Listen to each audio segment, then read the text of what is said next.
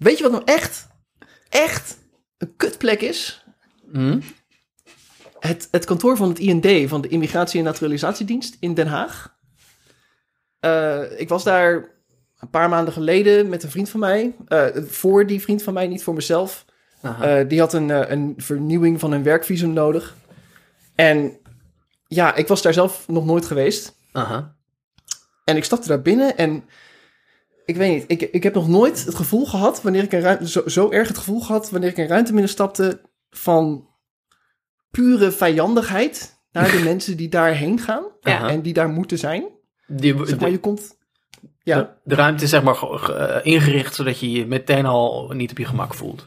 ja, precies. Zeg maar, Ja. Je komt daar binnen en het is al gelijk alsof, het voelt eigenlijk meteen alsof je op het vliegveld staat. Bij, bij, de, bij de beveiliging daar. Er is niet een metaaldetector of zo, maar het had gewoon, ik weet niet, het had die security vibes. Dus je voelt je al gelijk verdacht, alsof je daar eigenlijk bent omdat je iets verkeerd gedaan hebt. Terwijl de meeste mensen daar zijn omdat de IND iets verkeerd gedaan heeft. Mhm.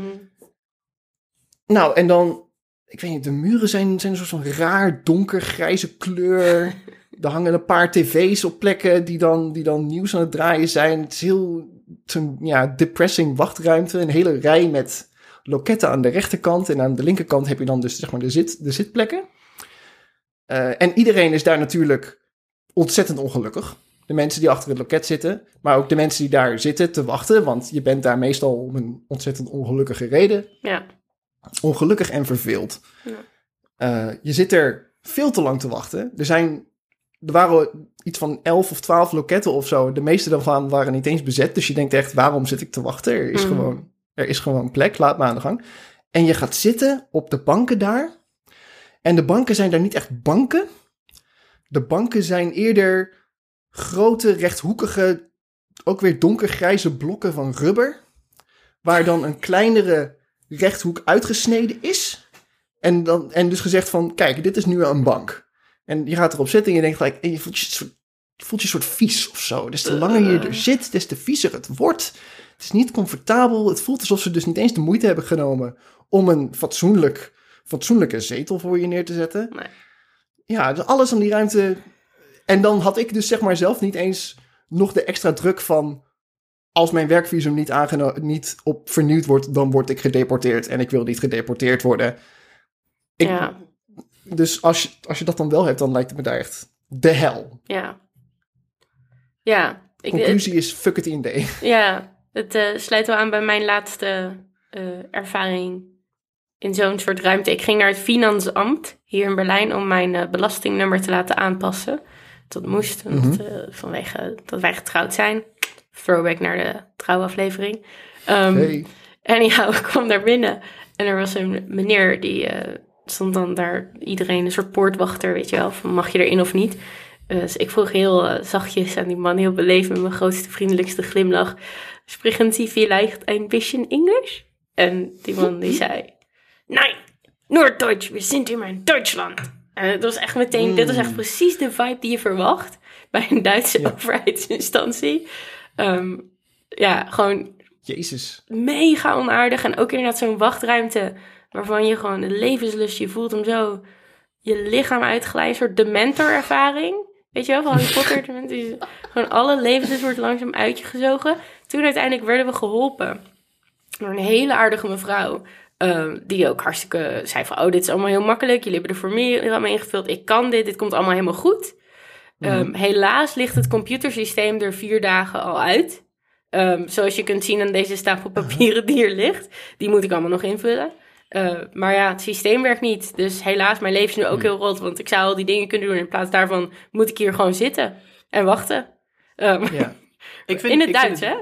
Dus ik dacht ook van, oh, ik moet er een beetje zijn voor deze vrouw, emotioneel gezien. Ja, dat zit er helemaal doorheen. Maar ik, kon ook Ja. niet, ik had niet de juiste woorden om dat dan secuur genoeg te doen, de emotionele ondersteuning in het Duits. Dus ik Oh, zei maar tut- alleen, ah, schade. Ja, Ja. Ja, dat is werkelijk leid. Verschrikkelijk. Ja. Oh, nein, oh nee.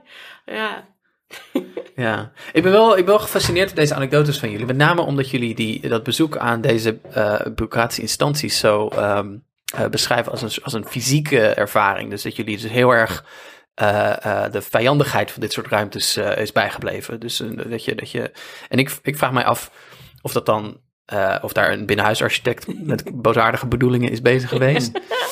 Ehm, eh, of dat misschien toch ook het wel te maken heeft met allerlei projectie van onszelf. Van ehm, een soort ongemak die eigenlijk al begint voordat we überhaupt het gebouw binnenstappen. Van kloten, ik moet, ik moet, naar, ik moet met de staat dealen. Of ik moet iemand bijstaan, zoals in jouw geval Dennis, die met de staat Ja. moet dealen. En dit gaat een onplezierige ervaring worden, want ik heb geen vertrouwen in, eh, Mm. in de bureaucratie. Mhm. Dus dus los van de vraag of dat een, of een terechte verwachting is, ik denk het wel.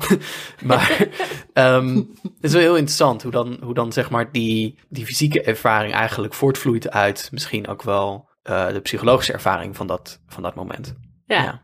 Bureaucratie Ja, als grote, om het maar even met een mooi Duits woord te zeggen, als grote angstkekner. Ja, het, het is natuurlijk wel een ding hier dat de meeste gebouwen hier al een tijdje staan. En inderdaad wel de min of meerdere boosaardige binnenhuisarchitecten binnen hebben gehad op enig punt in de geschiedenis. Ehm, ik vraag me af of ik dat dan ook voel. Ehm, nou ja, Ja, ja, ja, ik bedoel, specifiek inderdaad bij het IND is het wel zo dat ik ging daar inderdaad natuurlijk wel naar binnen met van, ik vind eigenlijk dat jullie niet zouden moeten bestaan. Ik vind het werk dat jullie doen slecht. Ja. En dan kom je binnen en dan blijken zo inderdaad ook nog eens gewoon hele lelijke banken te hebben. Ja. Nou, dat doet het hem dan ook wel. Hoor. blijkt toch dat de uiteindelijke uitkomst van deze aflevering gaat zijn. als, als er maar een andere bank banken. staat, is het oké. Betere Ja, banken. precies. Ja, lijken we toch banken. voor de banken te zijn. Oh shit. Maar nu, dit is een mooi moment om de tune in te starten. ja, denk ik ook. Hij gaat nu.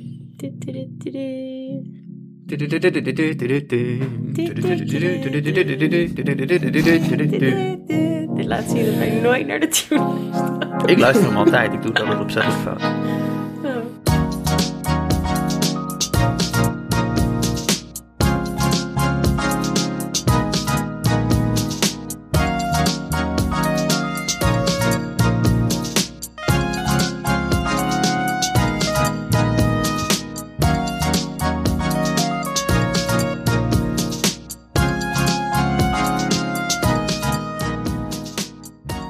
Welkom bij Het Redelijke Midden, de podcast die verschijnt op maandagmiddag, omdat de ambtenaren anders na de lunch niets te doen hebben. Dit seizoen halen we elke aflevering een hardnekkige mythe aan in onze politiek of cultuur. Mythes die zo alomtegenwoordig zijn dat ze de linkse verbeeldingskracht helemaal verstikken. We ontmaskeren de onzin achter die mythes en zetten er een ander denkbeeld tegenover. En de mythe van deze aflevering is eh, meer een vraag eigenlijk. Zijn ambtenaren politiek verantwoordelijk voor wat ze doen? Oeh. Eh, maar voordat we daarmee beginnen, eerst nog even dit. Je kunt ons geld geven en wij willen je hierbij aanmoedigen om dat ook daadwerkelijk te doen. Surf daarvoor naar www.vriendvandeshow.nl slash hrm en word voor 3 euro per maand onze kameraad. Wij krijgen cash money en jij krijgt toegang tot live-opnames, streams en de Discord-server vol met memes en kattenplaatjes. Vriendvandeshow.nl slash hrm. Ga daarheen. Dankjewel. Ja, en volgens mij is het En, een heel eh, goed idee om dat nu te doen. Want de Ja. volgende aflevering die we gaan opnemen, daar gaat over socialistisch kerstvieren. En daar gaan we een livestream van maken, zoals we dat bij elke opname doen. Maar die Ah. livestream gaat iets langer door dan de opname zelf. Want wij hebben, als het goed is, allemaal een loodje getrokken. En een verlanglijstje gemaakt. Oh ja. En dan gaan we een redactiefeestje hebben. En als je, Ja, dus, Ja, dat wordt wel heel exciting. als je in onze Discord zit, dan kan je daar ook bij zijn. Vet. Kun je ons zien cadeautjes uitpakken. Ja, Wie Leuk. wil dat nou niet? ja. Ja. ons goede goed. Nou, en Ja. als je dat wil, dan moet je dus naar vriend van de show slash HRM. Eh, en vergeet natuurlijk ook niet om je vrienden, je familie en je favoriete gemeentehuismedewerker over ons te vertellen. Like, subscribe en deel. Maak van je kennis een kameraad. We zijn je eeuwig dankbaar. Thanks. Thijs, jij houdt heel erg van ambtenaren. Klopt dat? Nee.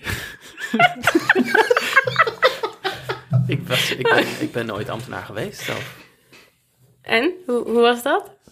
Eh, ik kon er niet mee omgaan. Ik eh, denk niet dat ik uit het juiste hout gesneden was om, eh, om ambtenaar te zijn. Oh. Je had te ik heb veel ook- levenslust. Nou, ik heb ook ontslag genomen omdat ik eh, me niet meer kon vereenzelvigen met het, eh, zeg maar, met het beleid dat eh, werd gevoerd en waar ik dan ja, toch mijn deelgenoot van voelde.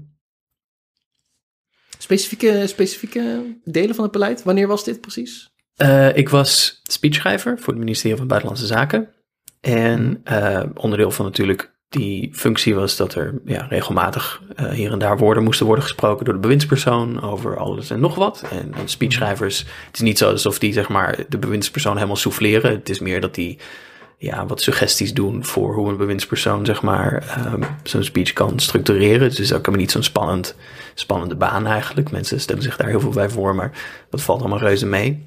Hoe dan ook, de uh, bewindspersoon uh, van het ministerie van Buitenlandse Zaken moest om de haverklap ergens een, een mooi verhaal ophangen over, ja, over Europese waarden en solidariteit en, en samenwerken. En hè, dat dat toch beter Ja. was dan, dit was nog voor de brexit, dan, Mm. dan landen die het allemaal maar zelf wilden doen.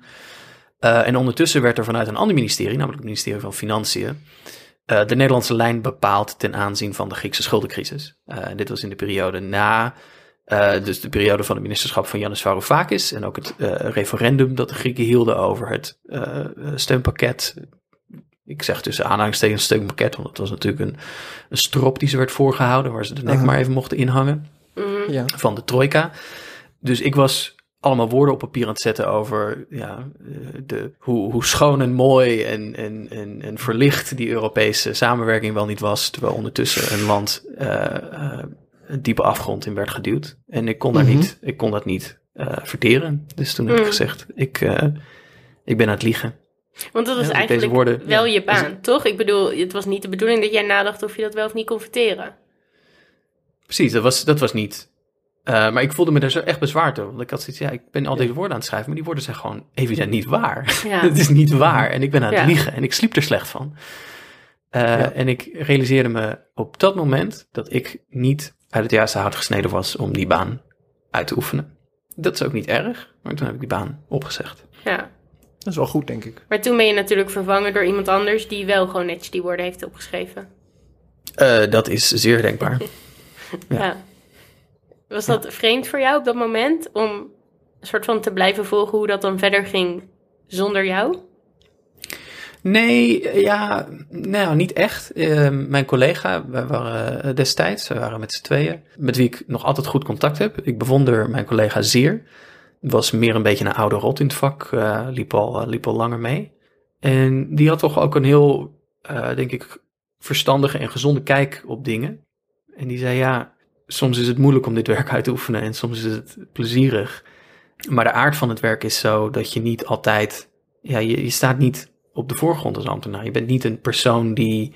Het gaat niet om jou in feite. Je bent onderdeel van een organisatie en van een systeem die op een andere manier functioneert. Waarin je erop moet vertrouwen dat het werk dat je uitoefent niet ja, fundamenteel slecht is. En natuurlijk kan het zijn dat dat soms niet strookt met je eigen waarden. Maar het zou ook niet goed zijn als het uh, alleen maar afhankelijk zou zijn van je eigen waarden. Ja, want de Ja. uitvinding van de bureaucratie is eigenlijk daarop gestoeld, toch? Het idee dat het niet kan afhangen van het persoonlijke gemoed of de eigen waarde per ambtenaar en hoe die zich op een bepaalde dag wel of niet voelt, um, dat dat niet het beleid mag beïnvloeden. Ja, het, het moet natuurlijk ook een onpersoonlijke, eigenlijk een onpersoonlijke organisatie zijn. Um, ik denk dat dat ook bijvoorbeeld gereflecteerd wordt in de eed die uh, rijksambtenaren bijvoorbeeld moeten afleggen. De eerste zin daarvan is dat ze zweren of beloven dat ze trouw zullen zijn aan de koning en de grondwet en alle wetten van het land zullen eerbiedigen. Mhm. Um, en Ja, trouw aan de koning, dat is wel een beetje cringe. ja, maar en, en de laatste passage daarin is um, hè, dat ze zweren en beloven dat ze plichtsgetrouw en nauwgezet de opgedragen taken zullen vervullen. Um, Ja. En dat ze zich, zich zullen gedragen als een goed ambtenaar, dat ze zorgvuldig, onkreukbaar en betrouwbaar zullen zijn. Um, dus daar wordt een appel gedaan aan allerlei waarden die helemaal niet te maken hebben zeg maar, met mijn persoonlijke gevoelens over wat nou rechtvaardig was, of wat eerlijk was, of wat, deugd, wat deugde. Um, het is een heel andere ethiek die daar Mm. functioneert. En die ook niet slecht is, persoonlijk. Ik, vind, ik ben daarvan overtuigd dat die niet slecht is. Ik dacht alleen dat ik een, een slechte ambtenaar was. Als, als, Ja. dit de, als dit de code is. En ik ken heel veel uh, heel goede en heel uh, gewetensvolle, onkreukbare, uh, zoals het in de Mhm. eet heet, ambtenaren. Sommige van je beste vrienden zijn ambtenaren. Nou, ja, ja. Hoe, hoe zou je die ethiek dan omschrijven? Als, het, het, het klinkt alsof het inderdaad vooral gericht is op een soort van het gewoon in stand houden van de staat en, en het efficiënt uitvoeren van, van beleid. Het systeem. Ik denk dat het een, uh, een, een dik is die draait om uh, zaken als uh, plichtsbesef. Hm. Ja. Dienen. Ja. Dat is wat je doet. Zou jij dat kunnen, Dennis? Um, als het goed betaalt. ja, want dat is Alles heeft een prijs. Van, uh, van ambtenaar Ja. zijn is, het is op zich een goede baan, toch? Goede arbeidsvoorwaarden. Over het algemeen wel. De, de, de overheid wordt meestal wel erkend als een, als een werkgever waar je toch al snel in een, in een redelijk hoge salarisschaal zit. Um, en het is ook uh, bijvoorbeeld een organisatie waar het heel makkelijk is om zowel naar boven als opzij uh, te, te groeien. Dus je kunt, zeg maar, als je eenmaal van binnen een ministerie bent, dan is het over het algemeen wel redelijk makkelijk om bijvoorbeeld ook ergens anders in de overheid te gaan werken. Als daar een andere baan uh, beschikbaar is. Dus je kunt zeg maar lekker afwisselen. En inderdaad toch wel ook het idee hebben dat je, dat je zeg maar heel veel, ik denk ook heel veel linkse mensen, die willen bijvoorbeeld niet per se het bedrijfsleven in, omdat ze niet voor zoiets als een, een winstmotief willen Mhm. werken. En de overheid heeft dat natuurlijk niet. Dus is de overheid, denk ik, een redelijk vanzelfsprekende plek waar je kunt gaan werken als je, denk, als je denkt, ik wil iets doen om mensen te helpen of de wereld te verbeteren, zonder dat ik bezig ben met de centjes en, en zorgen dat alles zo, zo uh, uh, kostenefficiënt mogelijk moet gebeuren. Maar weet je wel, dat, dat, dat, Mm. dat het gebeurt omdat het goed is, omdat het juist is. Um, maar dat hangt natuurlijk vanaf wat voor een soort beleid je aan het uitvoeren bent. Uh, en dat is uh, werkt, denk ja. ik wel. Ja, en bij wat voor ministerie. Ik bedoel, ik zou niet, ik zou dus niet bij, bij de IND gaan werken of zo. Ik zou ook niet per se bij uh, justitie en veiligheid willen gaan werken. Of, of, of bij defensie of iets dergelijks. Dat lijkt me, dat Moet lijkt me nogal onprettige plekken. moet je politiek leuk vinden om ambtenaar te worden? Zijn die mensen Nou. allemaal politiek geëngageerd? Of is dat dus eigenlijk niet per se relevant? Wat bedoel je precies met politiek geëngageerd? Nou, ik vraag me af of er dus mensen, wat Dennis daar omschrijft, mensen die niet graag voor een winstoogmerk uh, willen werken, die, die niet met dat soort uh, bedrijfssettings eigenlijk willen meedoen misschien. En ook wat jij daar omschrijft, Thijs, het een soort van dienen, dienstbaarheid, plichtsbesef. Dat kun je ook heel apolitiek maken. Uh, maar je kan het ook heel politiek maken. Zeg maar, wat jullie Mhm. omschrijven kan ik een soort van op twee manieren interpreteren. Um, het zijn mensen die iets goeds willen doen voor het land en willen helpen en soort van de boel willen meehelpen dragen en gewoon ja, de democratie gezond willen houden eigenlijk, uh, willen laten functioneren, de rechtsstaat. Uh, andere interpretatie is misschien, het zijn mensen die een goede carrière willen maken. En waarbij dus eigenlijk misschien het politieke ook niet relevant is, want het zijn geen politici. Ze zijn niet politiek verantwoordelijk. -hmm. Ja, dat zal toch wel ook een beetje een soort van individueel verschil zijn, denk ik. Ja, het is een vreemde positie gewoon als ambtenaar, want ze, ze zijn heel erg onmisbaar in het hele systeem en in een stabiele uh, democratische rechtsstaat misschien. En tegelijkertijd... In, in, elke soort van staat, wat dat betreft. Ja. Maar, ja. Ja, en tegelijkertijd zijn ze niet politiek uh, relevant. Nee, het is een heel gedepolitiseerde... Het is een organisatiesysteem, uh, niet een politiek systeem. Ja, want ja. Als, je, als je een eerstejaars bestuurskunde of bestuurs- en organisatiewetenschappen vraagt van uh, leg, dit, leg dit aan mij uit, waarom is dit zo? Waarom zijn ambtenaren niet politiek? dan zal deze student wijzen op het idee dat we dat we hebben, juist heel bewust hebben gescheiden. Dus er wordt uh, politiek bedreven in Den Haag. En dat gebeurt aan het Binnenhof, in de Tweede Kamer, in de relatie tussen de regering en um, uh, de volksvertegenwoordiging. Mm -hmm. Daar worden debatten gevoerd en daar wordt uh, over wetten en, en, en, en beleid gestemd. Nou, dan, dan is dat in orde en dan gaat dat naar de ministeries. En de ministeries, die, nou, dat zijn maar bescheiden uitvoeringsinstanties ik denk dat hè, dat, dat, is, dat is een heel, simpele antwo- heel simpel antwoord op de vraag. Maar ja, natuurlijk zijn ministeries en ambtenaren niet politiek, want dat is niet waar. Hè, dat, dat, dat is gewoon. Dat is, die, die plek nemen ze niet in het organogram van de Nederlandse staat. Ze voegen slechts uit. Um, en daar kun je denk ik wel allerlei vraagtekens bij plaatsen. Bijvoorbeeld het feit dat heel veel beleid dat wordt gemaakt, of heel veel beleid dat naar de Kamer wordt verzonden ter goedkeuring en ter, bespreking, wordt natuurlijk eerst wel uitgedokterd op zo'n ministerie. Um, en er zitten ook heel vaak ondersteuningsambtenaren in de vergaderzaal van de Tweede Kamer op het moment dat er allerlei wetten worden uh, besproken. Uh, en die zijn daar ter ondersteuning van de bewindspersoon, bijvoorbeeld als het gaat om uh, allerlei technische vragen of toelichtingen. Uh, ze spreken niet zelf, maar ze zitten dan zeg maar achter in de zaal. Daar uh, hebben ze een speciale tribune uh, mm -hmm. waar, waar ambtenaren plaatsnemen. Dus het is ook weer niet helemaal zo dat ambtenaren, zeker als je denk ik eh, eh, hoger in de organisatie van zo'n ministerie zit, dat er helemaal een soort ehm, harde scheidingslijn zit tussen het politieke domein eh, en het bestuurlijke domein. Ja. Het is niet zo dat in de Tweede Kamer een heel creatief pro- proces plaatsvindt waarin wetgeving wordt, eh, wordt eh, eh, afgestemd. Dat wordt dan naar het ministerie gestuurd.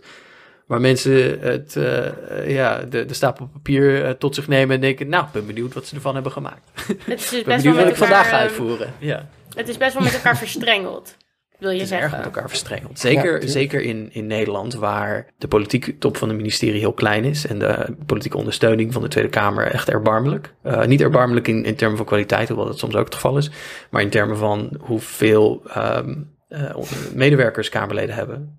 Eh, de balans is extreem, eh, ligt Ja. extreem natuurlijk bij, bij de ministeries. En daar zitten, daar zitten hele afdelingen vol met wetgevingsjuristen en, eh, en beleidsspecialisten zitten daar wetgeving eh, voor te bereiden. En dan zit er, eh, en dan zit er bij de gemiddelde Kamerfractie zit er één medewerker en die doet, eh, die doet jus- ju- justitie, zeehonden en, eh, en, en verkeer en waterstaat.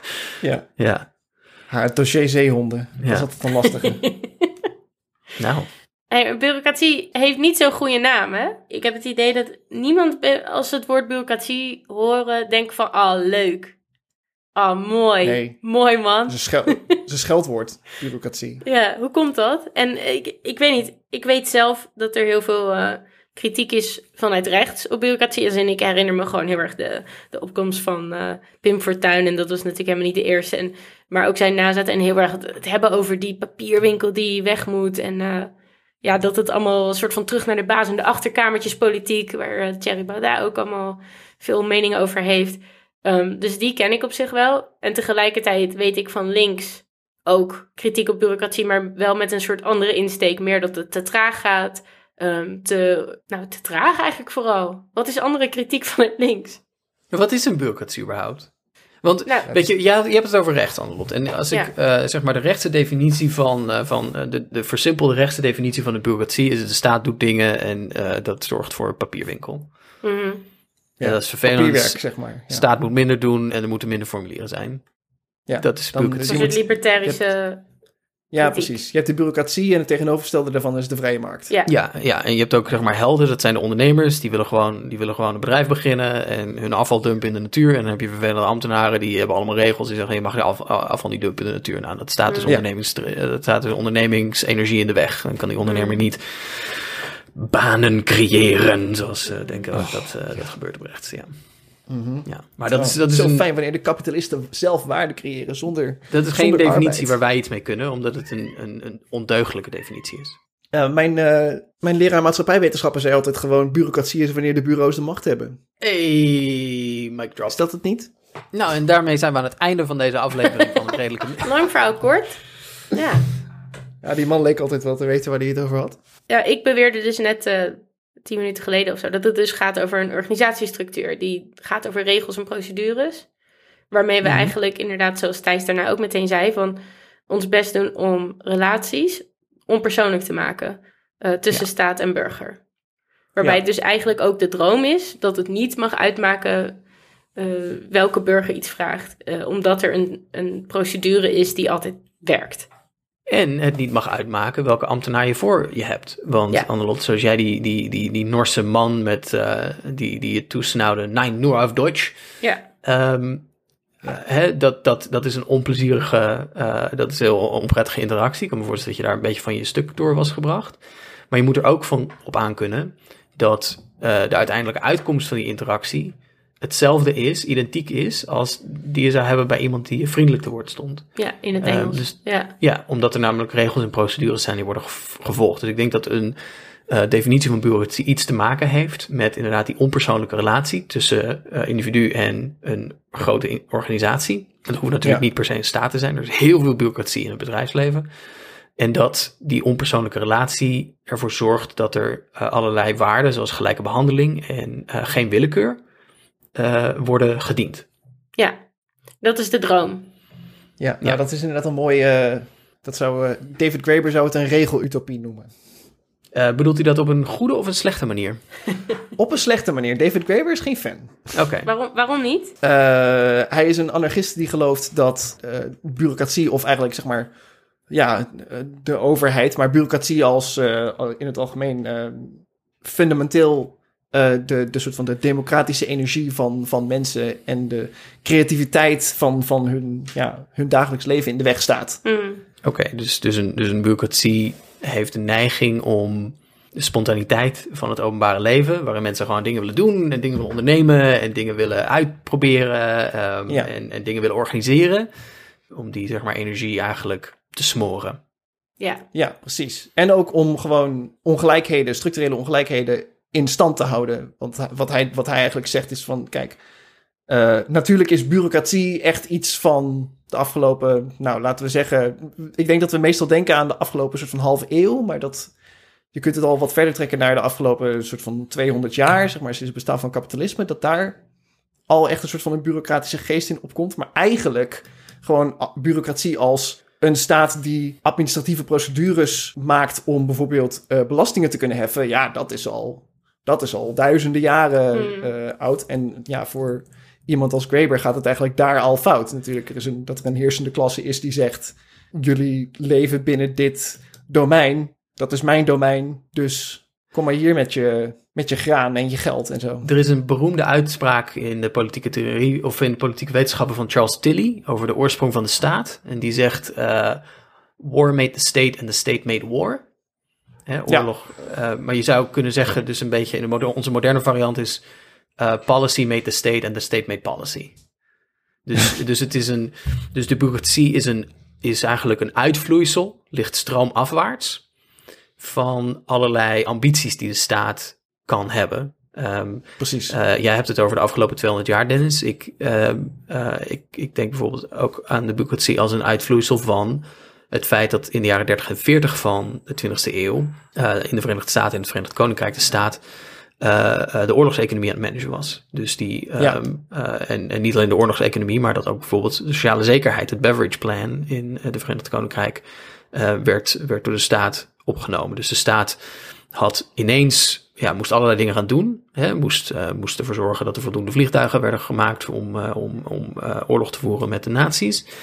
Mm-hmm. Um, en nam daarin een, een, een dirigerende rol, heel sterke dirigerende rol. En dat, om, om dat allemaal ook in goede banen te leiden, zijn er natuurlijk procedures uh, nodig. Want mensen moeten uh, ja, weten wat ze, wat ze moeten doen. Er, moeten, uh, er moet verantwoording afgelegd worden. Er moeten besluiten worden, moeten besluiten worden genomen. Dus de bureaucratie is een soort van ja, de, de, de, de bloem van de bloem die groeit op de, op, de, op de vruchtbare akker waar beleid wordt gezaaid.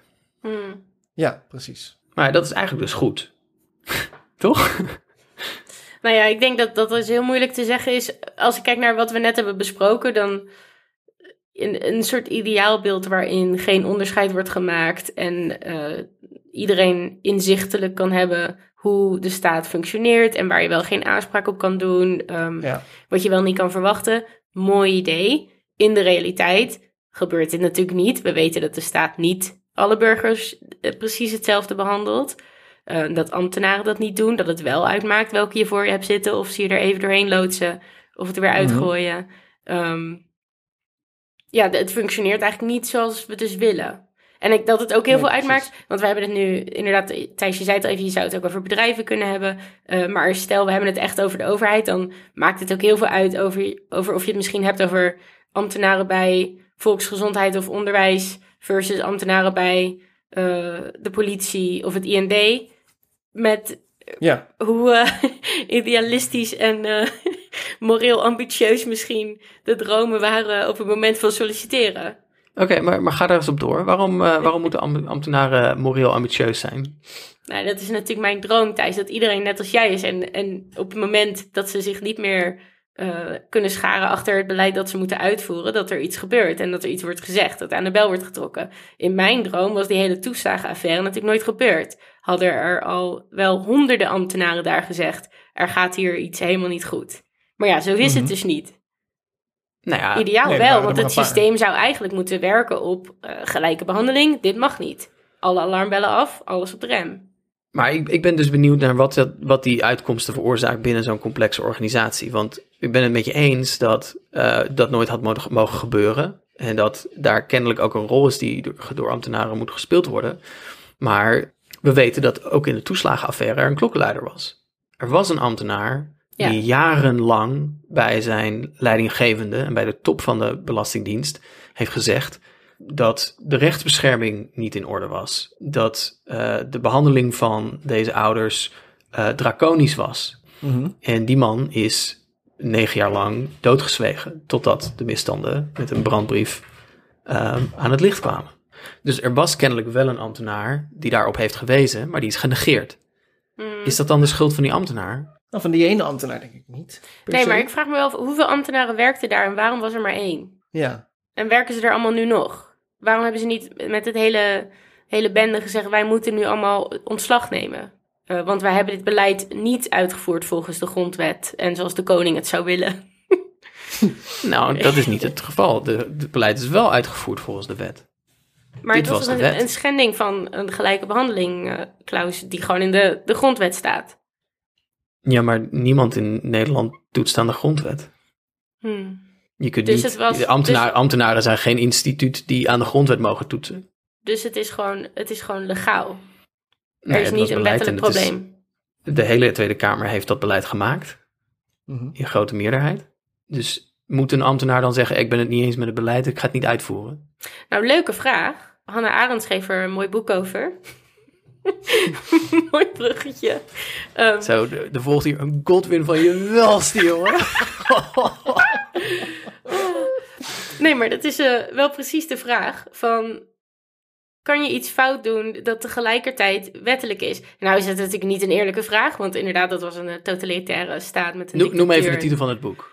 Eh, het gaat over het, eh, hoe heet het in het Nederlands? Het Eichmann, Eichmann in Jeruzalem. Eichmann in Jeruzalem, ja. Oorspronkelijke titel. Dus het verslag van de rechtszaak tegen Eichmann in 1961 in Israël voor misdaden tegen de menselijkheid. Ja, waarin hij zich moet eh, verdedigen. En, Ja. en, en zijn verhaal was eigenlijk, ik heb gewoon mijn werk gedaan.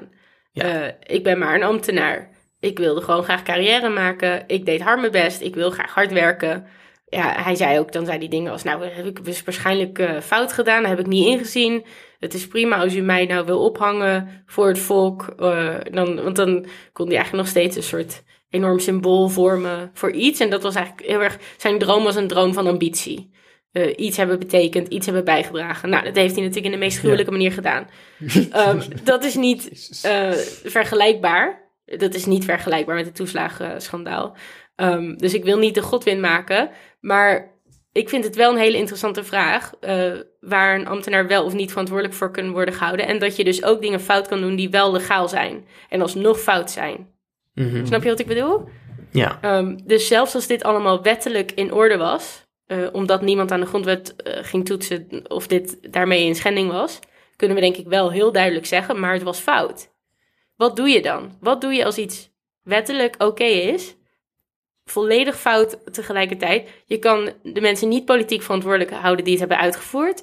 Eh, er kunnen mensen opstappen, maar die ambtenaren blijven in principe ook zitten, Ehm, omdat ze dus inderdaad niet de wet hebben geschonden in hun Mhm. werk. En dus niks aan hun eet te niet hebben gedaan eigenlijk. Maar je kan zo weinig. Er is, er- het voelt voor mij heel machteloos dat we niet kunnen zeggen... ja, maar dit was allemaal fout in dit hele departement. Gaan we eruit gooien en we gaan er nieuwe mensen in zetten. Ja, En misschien is dat ook symboolpolitiek, hè? Want misschien wil ik ook gewoon een soort van het idee dat er dan iets anders is... terwijl dan zitten er ook weer andere mensen.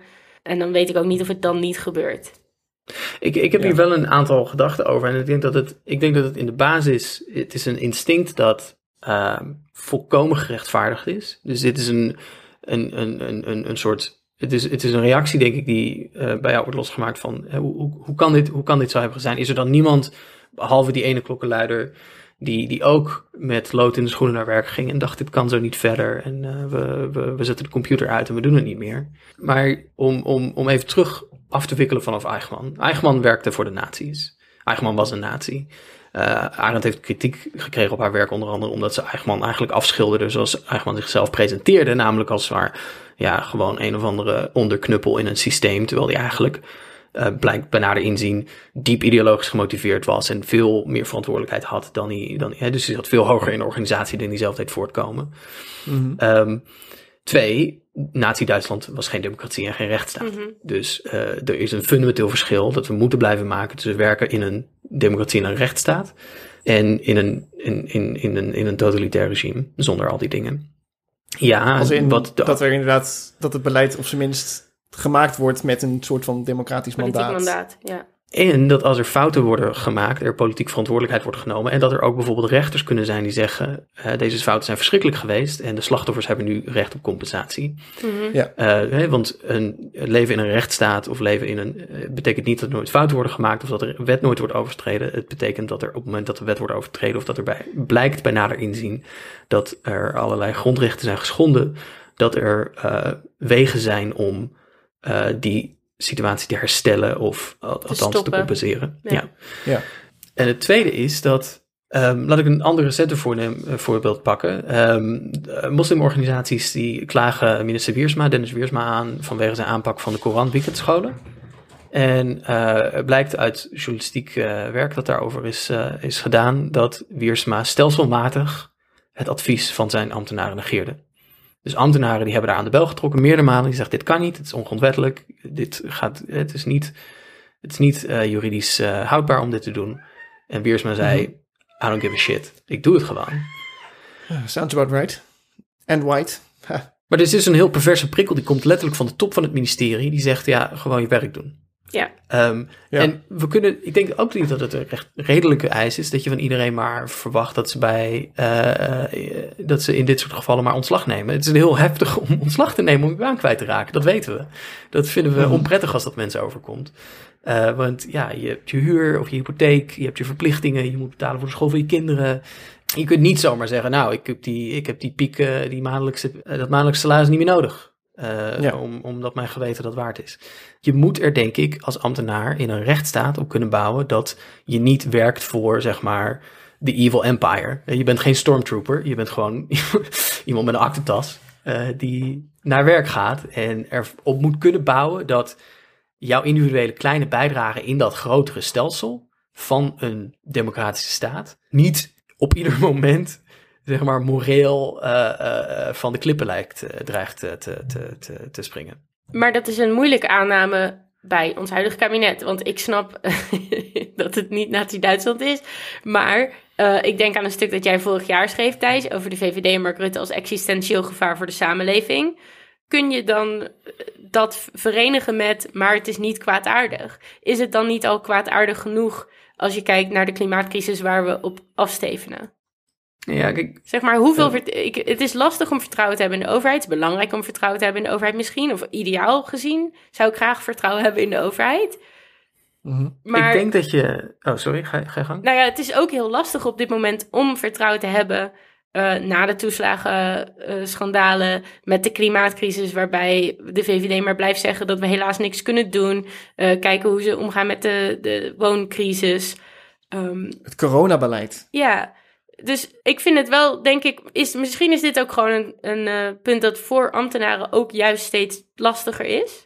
En dat betekent ook niet per se dat ze vandaag allemaal weg moeten of allemaal slecht zijn. Maar ik vraag me wel af, hoe deal je daarmee? Ja, wat kijk, wat verwachten we ervan? Er zijn, er zijn een beetje twee analyses die ik hierop zou kunnen loslaten. De eerste is een marxistische die zegt een, een staat, eh, eh, een, de Nederlandse staat is een, een kapitalistische staat. Die dient, de die dient de belangen van het grote Ja. kapitaal. Dat heb je kunnen zien onder andere ook in de corona-aanpak. Waar het bedrijfsleven kost tot kost moest worden ontzien. En eh, Ja. iedereen maar zoveel mogelijk naar werk moest blijven gaan. Want de belangen waren die van het bedrijfsleven. En dat is kwaadaardig.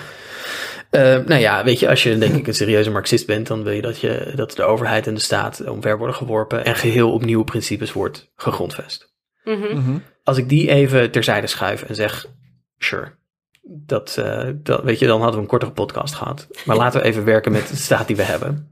Nederland is een parlementaire democratie. En zolang we dat stelsel accepteren als legitiem, en verkiezingen als legitiem, en onze manier van politiek bedrijven en beleid maken als legitiem, eh, vind ik dat inderdaad de VVD een existentieel gevaar is voor Nederland. Maar dat het niet aan ambtenaren is om dat existentiële gevaar uit de wereld te helpen, per se.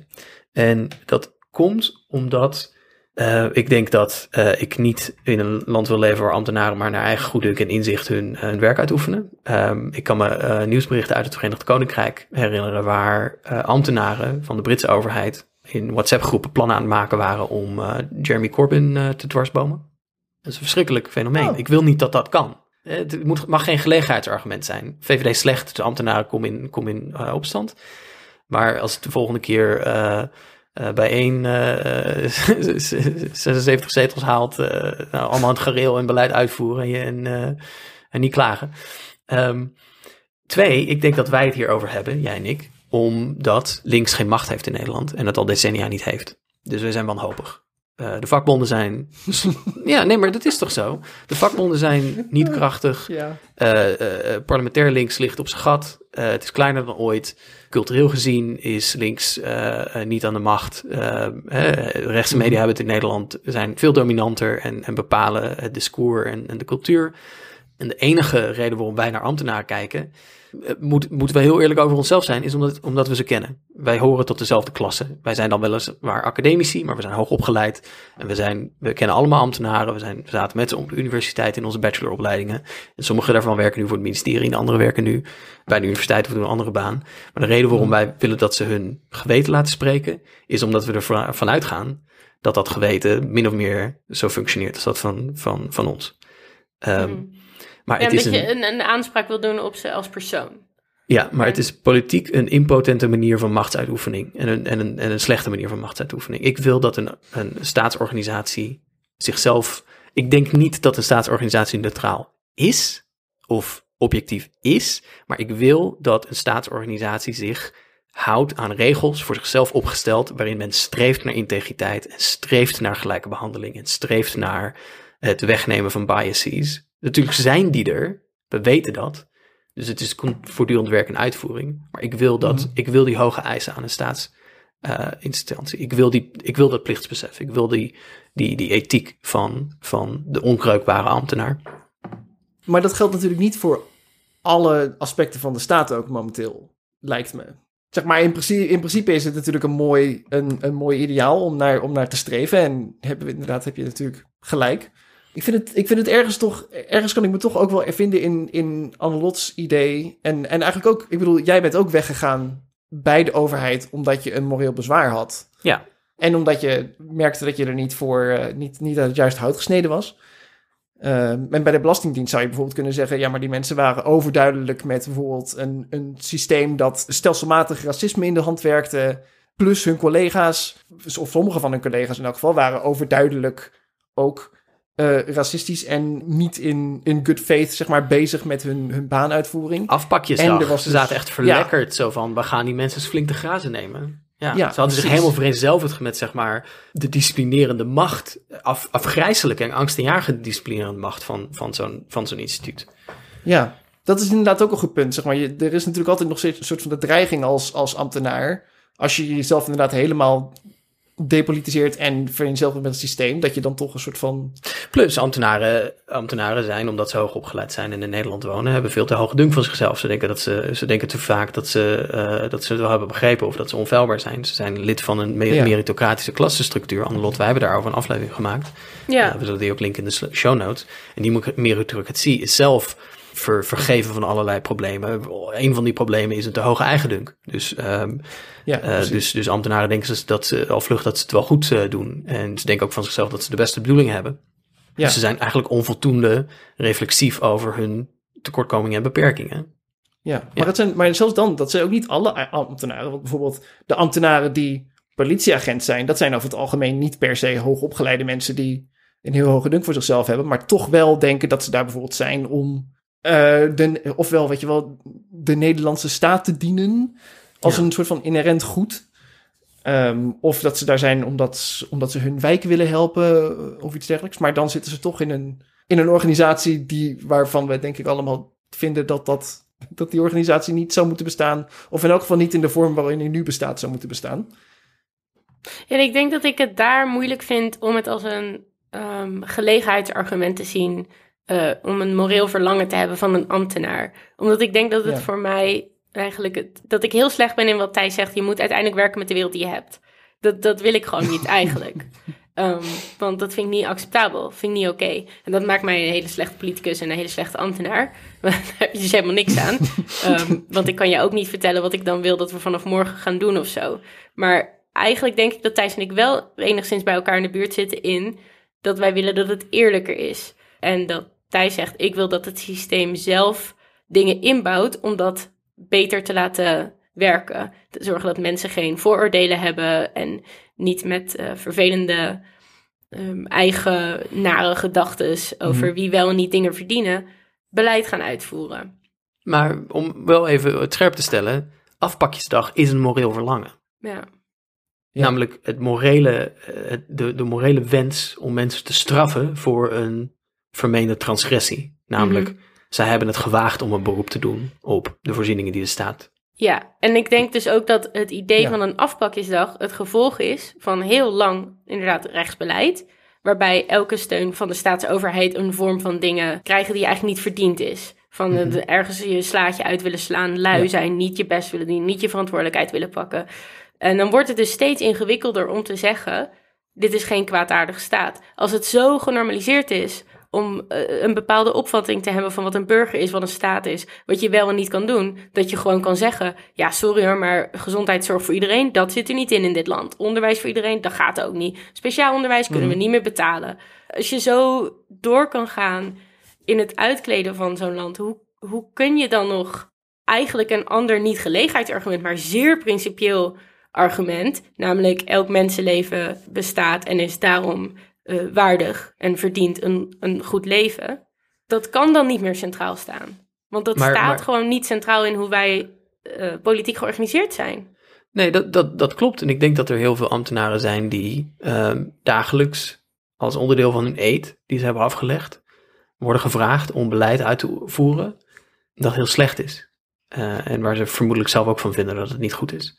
Dat hoop je dan maar. Dat hoop je dan. Maar nou, ik weet wel ook dat er bijvoorbeeld allerlei ministeries zijn in Den Haag die soms eh, echt op voet van oorlog verkeren met hun bewindspersoon. Omdat die bewindspersoon allerlei dingen wil die gewoon ook juridisch niet door de beugel kunnen. En ambtenaren daar proberen toch eh, weerstand tegen te bieden. Dat zorgt dan voor allerlei eh, rare dynamieken op zo'n ministerie. Dus het is niet zo alsof ambtenaren maar gewillig geschapen zijn die, het, die hun, hun werk de hele tijd uitoefenen en, en, en daar geen vragen bij stellen.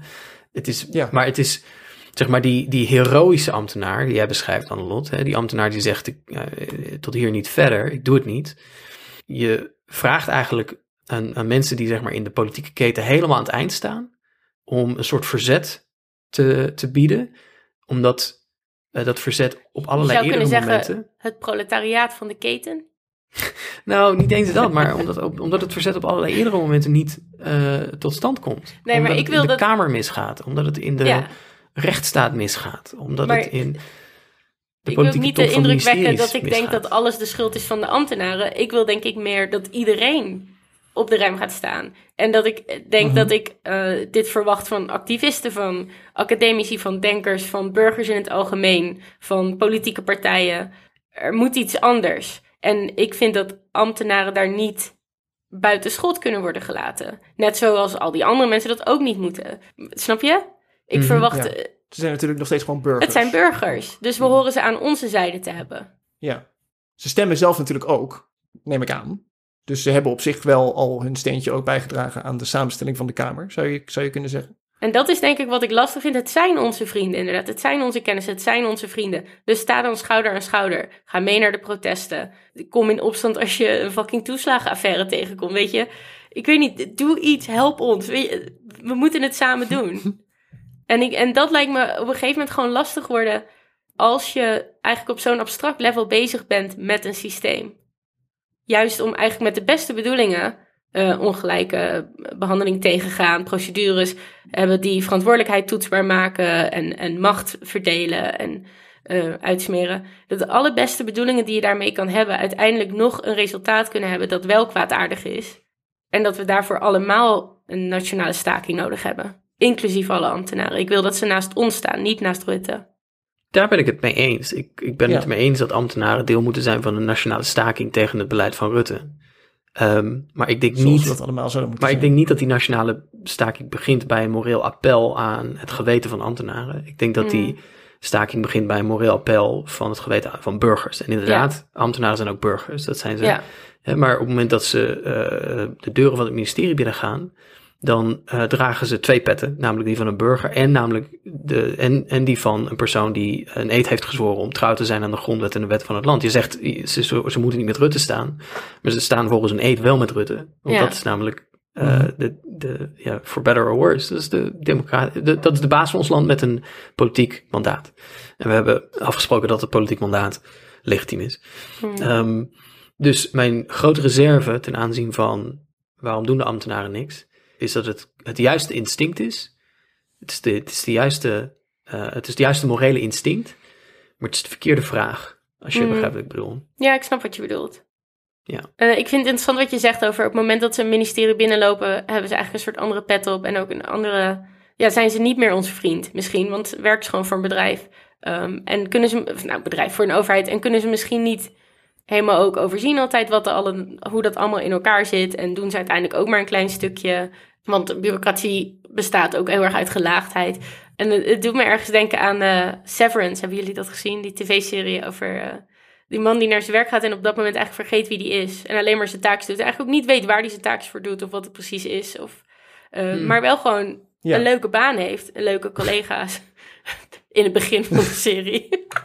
Ehm, Ja, het wordt, het wordt toch iets minder leuk Ja, naarmate de serie maar ik vind dat zo. In, het is een interessant idee Ja. dat je dus op je werk een ander persoon kan zijn. Of, of delen van je persoonlijkheid achter zou kunnen laten in een wereld. Of dat dat dus een soort streven kan zijn. Eh, daar zitten gewoon veel haken en ogen aan voor me. Ik, ik, ik zie dat gewoon bijna nooit goed aflopen. Die hang naar objectiviteit, die komt altijd terug en pakt je. En het, het eigenlijk wat Dennis net ook zei. Het staat altijd in dienst van de machtsstructuren zoals we ze nu hebben. En de sociale verschillen en verhoudingen zoals die nu bestaan. Op het moment dat we zeggen, eh, we gaan niet het echt meer daarover hebben. We gaan heel objectief zijn. Daar zijn we gewoon nog niet. Maar ja, am- ambtenaren zijn ook niet echt Nee. een revolutionair proletariaat eh, dat, eh, dat En- bereid om de staat omver te werpen. Ik en denk daar dat als, ik als zo de revolutie ooit komt, als de revolutie ooit komt, dan staan, dan staan die ambtenaren echt niet eh, schouder aan schouder met, eh, met, met de revolutionaire Nee. voorhoede op het plein hoor. Dat, eh, dat, De revolutionaire voorhoede is, is absoluut niet naar de universiteit gegaan. nee, nee. Dus het is, het is ook zaak om niet een te, een, een te rooskleurig beeld te hebben van wat een ambtenaar is. Ik heb liever, ik heb liever, ik heb liever een heel uh, persoonlijk... Likkers. Ja. Nee, maar persoonlijk heb ik liever heel strenge eisen voor waar een... D66 en Voltstemmers. Persoonlijk heb ik liever heel strenge eisen voor waar een eh, instituut, eh, staatsinstituut aan moet voldoen. Eh, Dan een mens. waar dan, ehm, ja. Dus ik, ik ben niet per se tegen die regels. Ja. Uh-oh. Thijs is pro-bureaucratie. You heard it here first. Ik denk wel, ik wil nog een keer over het onderwerp praten. Want ik, wil, ik vind het echt super interessant. En ik zou er nog drie uur over kunnen doorgaan met jullie. Ja. En dan, want we hebben nu heel erg de morele component van wat, wie ben je als ambtenaar besproken? Ben je verantwoordelijk? Mhm. Maar ehm, we hadden het in het begin, Dennis, je had het over David Graeber en linkse alternatieven voor de bureaucratie. Ik denk niet dat links, ehm, Ja. eh, en ik wil zelf ook niet die indruk wekken, ik denk niet dat links onkritisch de staat on- omarmt als altijd het meest geschikte instituut om maatschappelijke veranderingen en maatschappelijke processen mee te begeleiden. Precies. Dat er heel veel alternatieven zijn voor de staat die uit anarchistische tradities eh, voortkomen. Die, eh, en de democratische tradities die super interessant zijn om, eh, om te verkennen. Democratisch zelfbestuur, eh arbeiderszelfbestuur, communes, buurt, buurtgenootschappen, allerlei Ja. dingen. Als we nou volgend seizoen ons wat meer gaan richten op zeg maar, echte linkse alternatieven en wat er, wat er gedaan kan worden, dan zou dit wel daar denk ik een goede. goede Ja, mythe, als de staat het doet, is het goed. Ehm, kunnen wij best, eh, kunnen we best een tweede aflevering aan wijden, denk ik. Mhm. Absoluut. Welkom bij de Het Redelijk in Midden eh, trilogie aan afleveringen over de staat. De eerste is, wat is er slecht? De tweede, de tweede is, wat kan er anders? En de derde Ja. is, hoe gaan we het doen? Ja. Nationale stakingen. Niet naar de derde luisteren, eh, luisteren AFD. Ook ambtenaren, hè? Zijn ook ambtenaren. Zijn ook ambtenaren, ja. Ja, dat klopt. Ik hoop Ja. dat dat geen Mm. vrienden van je zijn, Jammer. Thijs. Maar ja, dat weet je waarschijnlijk Nee. niet, want daar mogen ze niet over praten. Nee, ik heb alleen maar... Nee, dan zeggen ze, ik werk bij Binnenlandse Zaken, het is heel Ik saai. heb alleen maar vrienden die bij de gemeentelijke plantsoendienst werken en op de een of andere manier 8000 euro mee naar huis nemen. Ik weet niet hoe het. eh, Ik weet nog wel dat ik, eh, dit is heel gênant, maar ik ben wel eens op werkbezoek geweest bij de, ik geloof de IVD, toen ik nog politicologie studeerde en je dus bij al dit soort dingen naar binnen wordt Ja, geslingerd. ik ook. En eh, ik vond dat zo eh, vreemd, want toen vertelden ze dus dat de mensen die daar werken, die mogen gewoon echt aan niemand vertellen dat ze daar werken. En die hebben dus allemaal een soort nepverhaal. En ik dacht, hoe kan je dat volhouden, man? Los van het Ja, werk dat- dat, je dat- doet, dat je dus tegen iedereen liegt over wat je de hele tijd aan het doen bent. En, en dat je, oh, ik kreeg helemaal stress van, moest meteen weg. Maar was het dan ook saai werk? meeste Of, of zeiden de- ze dan bijvoorbeeld dingen van eh, stuntpiloot? Ja, nee, ze, eh, volgens mij hadden Nee. ze dus nepbanen bij andere ministeries. Dus dan Oh, zeg je, ik werk voor volksgezondheid, maar dan zit je eigenlijk bij de IVD. Ja. Nou ja. Ze, ze moeten dus, zeg maar, het, het advies is om er dus een heel saai antwoord te geven, zodat mensen niet doorvragen. Ik ben accountant. Eh, ik heb één keer, ik heb één ja, precies. Nee, nee, maar het is meestal, meestal een soort van een halve waarheid. Dus zo- zoals dus, ik werk bij het ministerie van Binnenlandse Zaken. Ik had dus een keer, was ik op een, eh, een summer school voor, eh, over Russische taalkunde. Ehm, en daar was, daar was een man die ik dus vroeg van, oh, wat deed je voor een werk dat je zo goed Russisch spreekt? En hij had zeg maar echt een, een heel oud eh, eh, historisch document vertaald en zo, vanuit het Russisch naar het, echt zeg maar het oud-Russisch naar het Nederlands. Eh, en toen zei hij van, oh ja, ik werkte voor het ministerie van Binnenlandse Zaken. En ik keek hem twee seconden aan en ik zei van, je werkte voor de IVD. En hij zo, ja, Oh, Dennis prikt er zo doorheen. Oh. Haha, die maak je niks ja, dat was wel, eh, ja, omdat ik dus ook bij de IVD geweest ben en waar ze me dus dit vertelden. ja, ja, precies. Ja, dat is grappig. Ja. Ik was er speciaal voor getraind. Ah. Eh, daarmee zijn we, denk ik wel, aan het einde van de aflevering aangekomen. Mhm. beste luisteraar. Voordat we dat doen, hebben we eerst nog het redelijke midden van deze week. En dat komt weer eens van Eleonora. Dankjewel. en het redelijke midden van deze week luidt... als de ME zo graag wil rellen op straat... moeten ze misschien zelf eerst eens een voetbalteam samenstellen... en meedoen aan het WK. Nice. Dan zien we wel verder. Ik denk dat echt heel veel mensen denken dat Eleonora de enige persoon is in onze Discord. Ze heeft gewoon... Ze is gewoon de grappigste. Ja. Ze is de grappigste persoon Ja. in de Discord. Ja, Ah. het wordt echt ontzettend gewaardeerd. Dankjewel. Ja. Nou, nu zijn we echt bij het eind van de aflevering gekomen.